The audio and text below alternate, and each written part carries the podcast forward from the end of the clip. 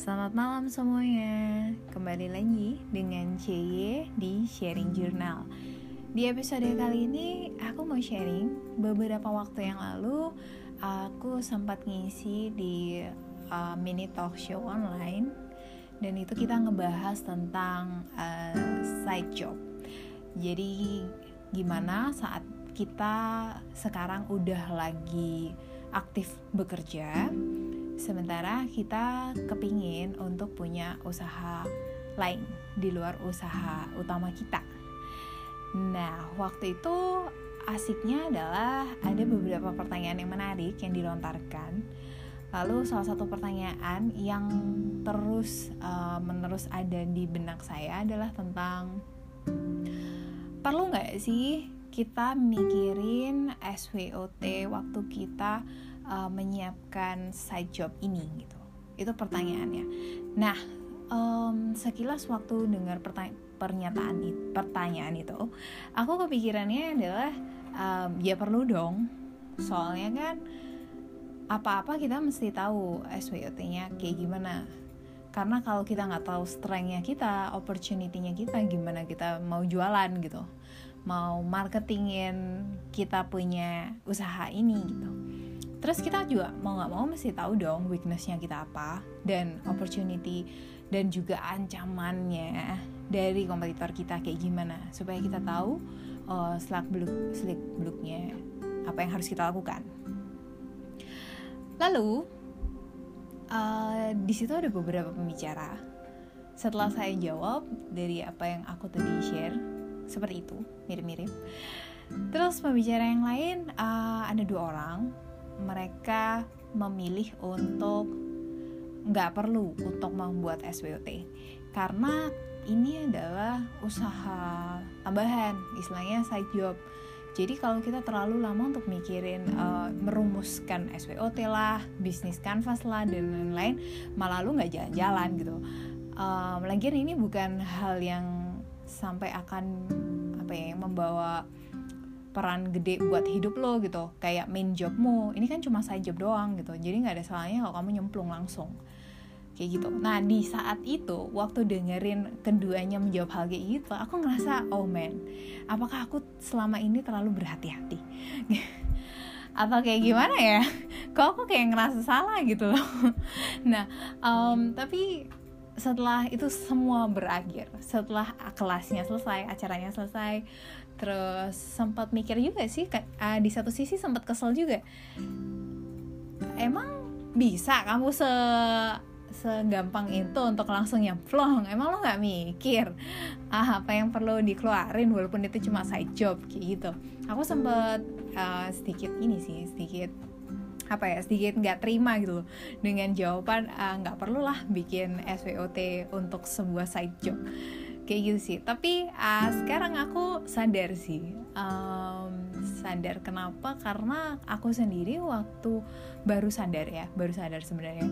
Aku sendiri waktu aku masih aktif di satu pekerjaan sebagai brand manager waktu itu.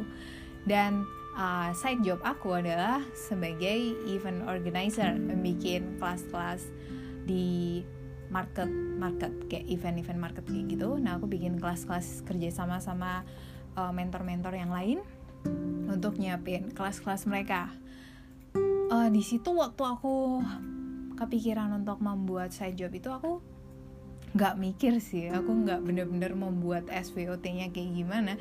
Aku langsung bikin aja aku langsung bikin namanya oh aku pingin nama ini gitu.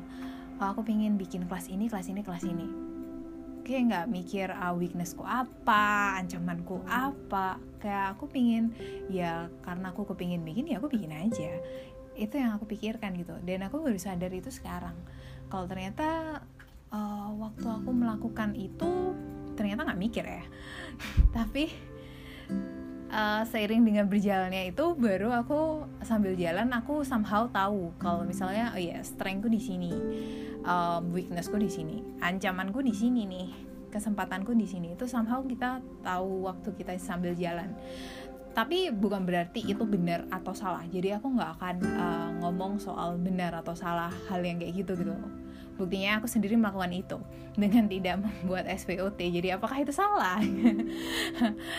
Um, tapi yang pasti ya kalau aku mau saranin adalah kalau misalnya kita memang bisa merumuskan SWOT mulai awal kenapa enggak? It doesn't take that longer time gitu loh. Itu nggak membutuhkan waktu yang sangat-sangat lama untuk merumuskan itu. Dan SWOT pun bisa berubah se uh, sejalannya kita punya bisnis atau side job or anything. Semua hal tuh berubah sama dengan bisnis pun berubah. Waktu awal kita membuat side job atau kita membuat bisnis uh, bulan depan itu udah bisa jadi berubah gitu loh. Strengthnya kita berubah. Ah sebenarnya aku ada cerita lain sih untuk soal itu. Yang lebih cocok tentang kasus waktu membuat uh, nanas media itu udah kayak cerita beda sendiri dan panjang. Nanti aku akan ceritain di episode berikutnya. Dan yang pasti kesimpulannya dari episode kali ini adalah soal teori. Jadi kalau misalnya kita kuliah, kita dengerin seminar, ikut webinar, kita belajar banyak hal, ada yang namanya BMC, Business Model Canvas, marketing planning tuh harus kayak gini gini gini. Dan kamu harus ngerti SWOT dan lain-lain gitu. Dan mungkin teman-teman ada di luar sana yang mungkin memang bukan background itu.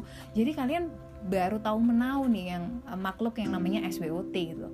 Atau sesuatu yang namanya BMC aku waktu itu karena aku backgroundku desain uh, aku baru tahu soal BMC waktu akhir-akhir aku kuliah uh, waktu aku ngobrol sama teman-temanku dari jurusan lain terus kita pikir tentang bisnis nah dari situ aku baru paham oh iya iya oke kalau misalnya kita mau bikin usaha kita mesti bikin yang namanya BMC dan ada banyak uh, channel ada banyak uh, hal yang kita mesti prepare kayak gitu.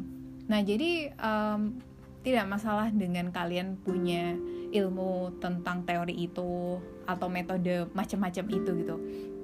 Yang pasti kalau kalian punya uh, pengetahuan tentang berbagai macam metode itu tuh adalah hal yang bagus nah tetapi bukan berarti kalau kalian nggak tahu tentang teori-teori luar biasa itu kalian nggak bisa membuka bisnis kalian sendiri atau side job kalian sendiri no lakukan aja apa yang kalian ingin lakukan sekarang. Jangan tunggu nanti, besok, lakukan sekarang. Lakukan itu, gak usah khawatir soal teori lala-lala, sambil jalan kalian belajar.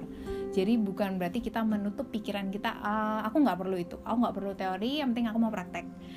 Nggak bisa gitu juga. Justru kita tahu teori supaya waktu kita praktek kita bisa mengantisipasi adanya kesalahan yang sebenarnya nggak perlu. Nah, itu adalah orang bijaksana melakukan itu untuk mengantisipasi kesalahan. Jadi, um, lakukan yang kalian mau lakukan sekarang sambil belajar untuk bagaimana cara merealisasikannya. Oke, okay? so good luck with your dream, guys. Bye bye.